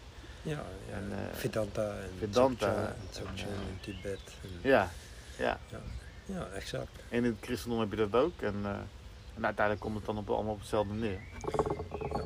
En zelfs de, de shamanen begrijp je. Ja, ja, Eh, Dat, dat, dat zijn zeg maar, Ja. natuurreligies. ja, Ja, daar heb je ook een exoterische, eh, ja. een het- esoterische pad. ja. Ja, ik, ik ja. weet nog heel goed dat die, die, die verschuiving is begonnen toen jij tegen mij hebt gezegd, op een terras in Arnhem, nam jij het woord Advaita Ja, in je, in je mond. ja. Ik, Huh? Heb je echt nog nooit van gehoord. Nee. weet je wel? Advaita. Non-dualisme, hè? Wat is dat, weet je wel? Ja. En, eh, en toen, toen, eh, toen ben ik er helemaal in gaan duiken, weet je wel. Ik kan me nog wel herinneren. Dat was voor mij een, een, Ja. een shock en een openbaring. Ja. En een bevrijding. Zeker. De koormarkt, Ja, notabene, ja, op het terras. ja. Ja, voor mij vroeg je zoiets van... eh, je vroeg gewoon... Want dan was je ook gewend om zo te praten. Gewoon recht op de man af van... Wat, is God voor jou? Ja, ja. Waar, waar, waar is het God voor jou? ja, dat klopt wel, dat soort dingen. En ergens wist, ik gewoon dat je het antwoord wel wist. Want ik zei, ja, God, voor, voor mij is het van binnen. Ik zei, ja. Je zei, je- ik vond jou niet verrast. Nee, Je, je, je had meer zoiets van, ja. ja, ja, dat klopt. Ja. Ja, ja precies. ja. En toen, ja, Ja, zo is die ontwikkeling gegaan en eh, uiteindelijk, eh, natuurlijk weet je wel, heb je nog steeds, in, wat, waar ik vandaan kom is natuurlijk niet niks, weet je wel. En iedereen heeft natuurlijk zo'n pad. Ik, dit, was, dit is mijn pad geweest. Hm. En, eh, en, en tot waar ik nu sta is eigenlijk nog steeds, ja, step by step, weet je wel. Dat is eigenlijk wat het is. Maar geen, op dit moment heb ik geen psychologen of zo, Nee. of medicatie. Of, Je bent gewoon je eigen, eigen coach geworden. ja, ja, dat is in de loop der Ja. tijd ontwikkeld. Ja. Ja, Daar, daar, ja, daar hebben we het toch vaak over. Ja. Uiteindelijk, eh, daar gaat het toch om dat je, dat je als je dit kunt, zeg maar, eh, we hebben het veel over coaching en alles, weet je. Het gaat om dat iemand zijn eigen coach wordt. Ja. Dat ja is een heel zeker. proces, een heel pad. Dus je zal eerst gecoacht moeten worden Ja, om, door coaches die dat zo zien. ja, En uiteindelijk leidt dat tot je eigen zelfcoaching, weet je. wel. ja. Ja, Vanmorgen luisteren naar, eh, naar dat verhaal van Linda, weet je, wel, over blessures. ja, En dan komt dat ook weer terug, ja, weet je nog?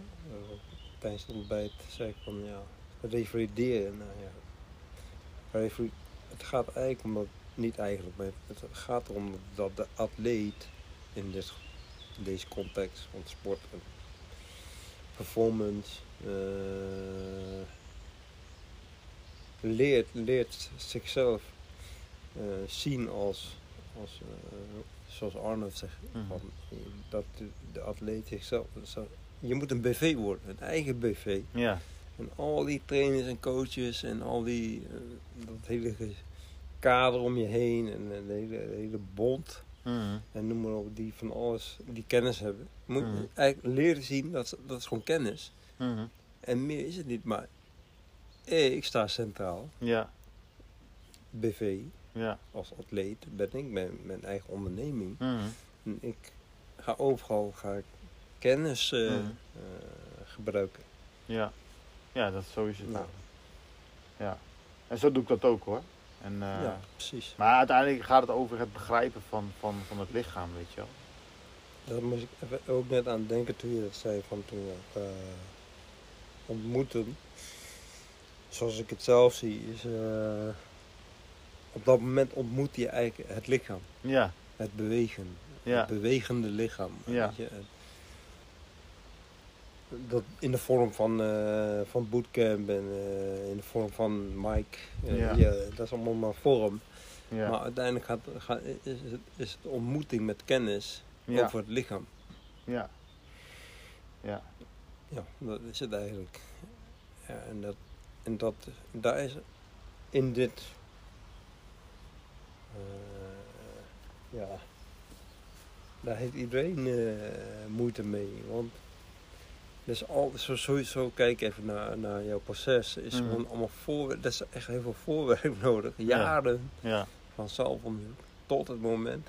En er komt een moment dat je dat, je dat lichaam moet gaan liefhebben. ja, Want daar, we staan daar eigenlijk zo ver vanaf. ja, ja, zeker. Door eeuwen, generaties, conditionering. Ja, Is dat nooit meegenomen, het lichaam. Nee. Maar op deze manier. nee. Tot, het, eh, eigenlijk tot mijn, tot mijn twintigste eigenlijk, eh, zag ik het gewoon als een soort van eh, ja, noodzakelijk kwaad. Ja, wat je ja, noodzakelijk. Weet je kwaad. wel, je, je hebt gewoon een lichaam. En ja, dat, dat takelt af. En je hebt botten en je hebt pezen. Daar kan een keer iets mis mee gaan, weet je wel. Mm, mm. En, ehm, en het lichaam als noodzakelijk kwaad, daarmee bedoel ik ook vaak dat het eigenlijk is dat gedrag. Ja. Ehm, wat dan het eh, kwaad veroorzaakt. Ja. En dus, dus eh, en, en vooral zeg maar eh, uit de traditie waar ik vandaan kom, dan, wordt eigenlijk ook gezegd van dat, dat we geneigd zijn tot alle kwaad, weet je wel. Ja. Dus ja, je doet eigenlijk niks goed. En ja, dus je, je krijgt een soort van hekel aan het lichaam, weet je wel. Ja. Ja, en, in- precies. In, in- er wordt dan in die vorm heb je dat meegekregen. Maar Ja, ook niet-religieus mensen zo, die, die ontwikkelen dat ook allemaal. nee, nee, klopt. Ontwikkelen allemaal een soort aversie naar het lichaam toe. Ja, ja, op, op ja. allerlei manieren, weet je, in allerlei eh, vormen en allerlei. Ja. ja, dat is nu natuurlijk ook, hè. Dus, dus bijvoorbeeld is je natuurlijk ook met allerlei cosmetica. Ja, ik bedoel, ik, Ja, ja, natuurlijk snap ik wel dat. precies. ga- ik heb het niet over uh, is onschuldig make-up of zo, maar het feit dat je niet, eh, Mhm. kunt leven met, met imperfectie. Ja, met het spiegelbeeld. Met een spiegelbeeld en dat je dat dan moet opknappen met allerlei eh, Ja.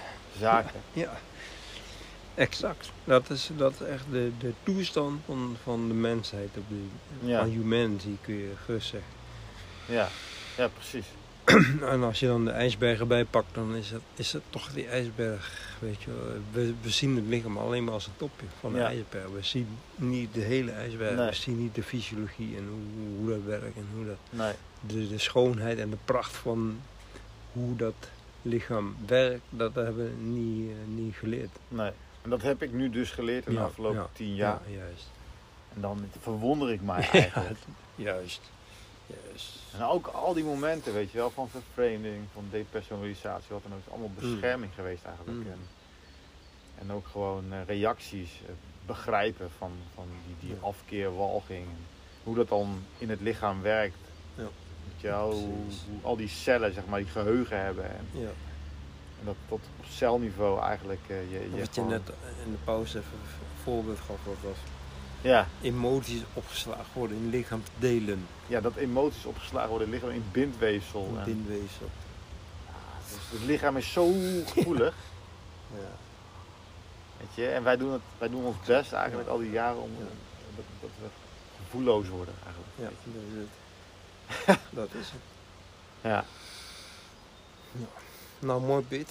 Ik hoor iemand praten die eh, liefde voelt voor het lichaam. Ja. Eh, dat is, en liefde niet op een romantische manier, maar juist niet romantische manier. En dat is, dat is voor, dat vind ik eigenlijk waar. Liefde is niet romantic. Mm. Dat is, dat is, dat is gewoon willen begrijpen. ja. Oké man, ik zie eh, die dame die zal... eh, Ja, die gaat schoonmaken. voor mij gaat ze schoonmaken. hè. opruimen hier. Ja. Voor mij denk ze, ga- wanneer gaan die thee weg? Oké, we gaan afsluiten. Bedankt Yes. voor je aandacht. Thanks. Thanks Pete. Yes. Peace.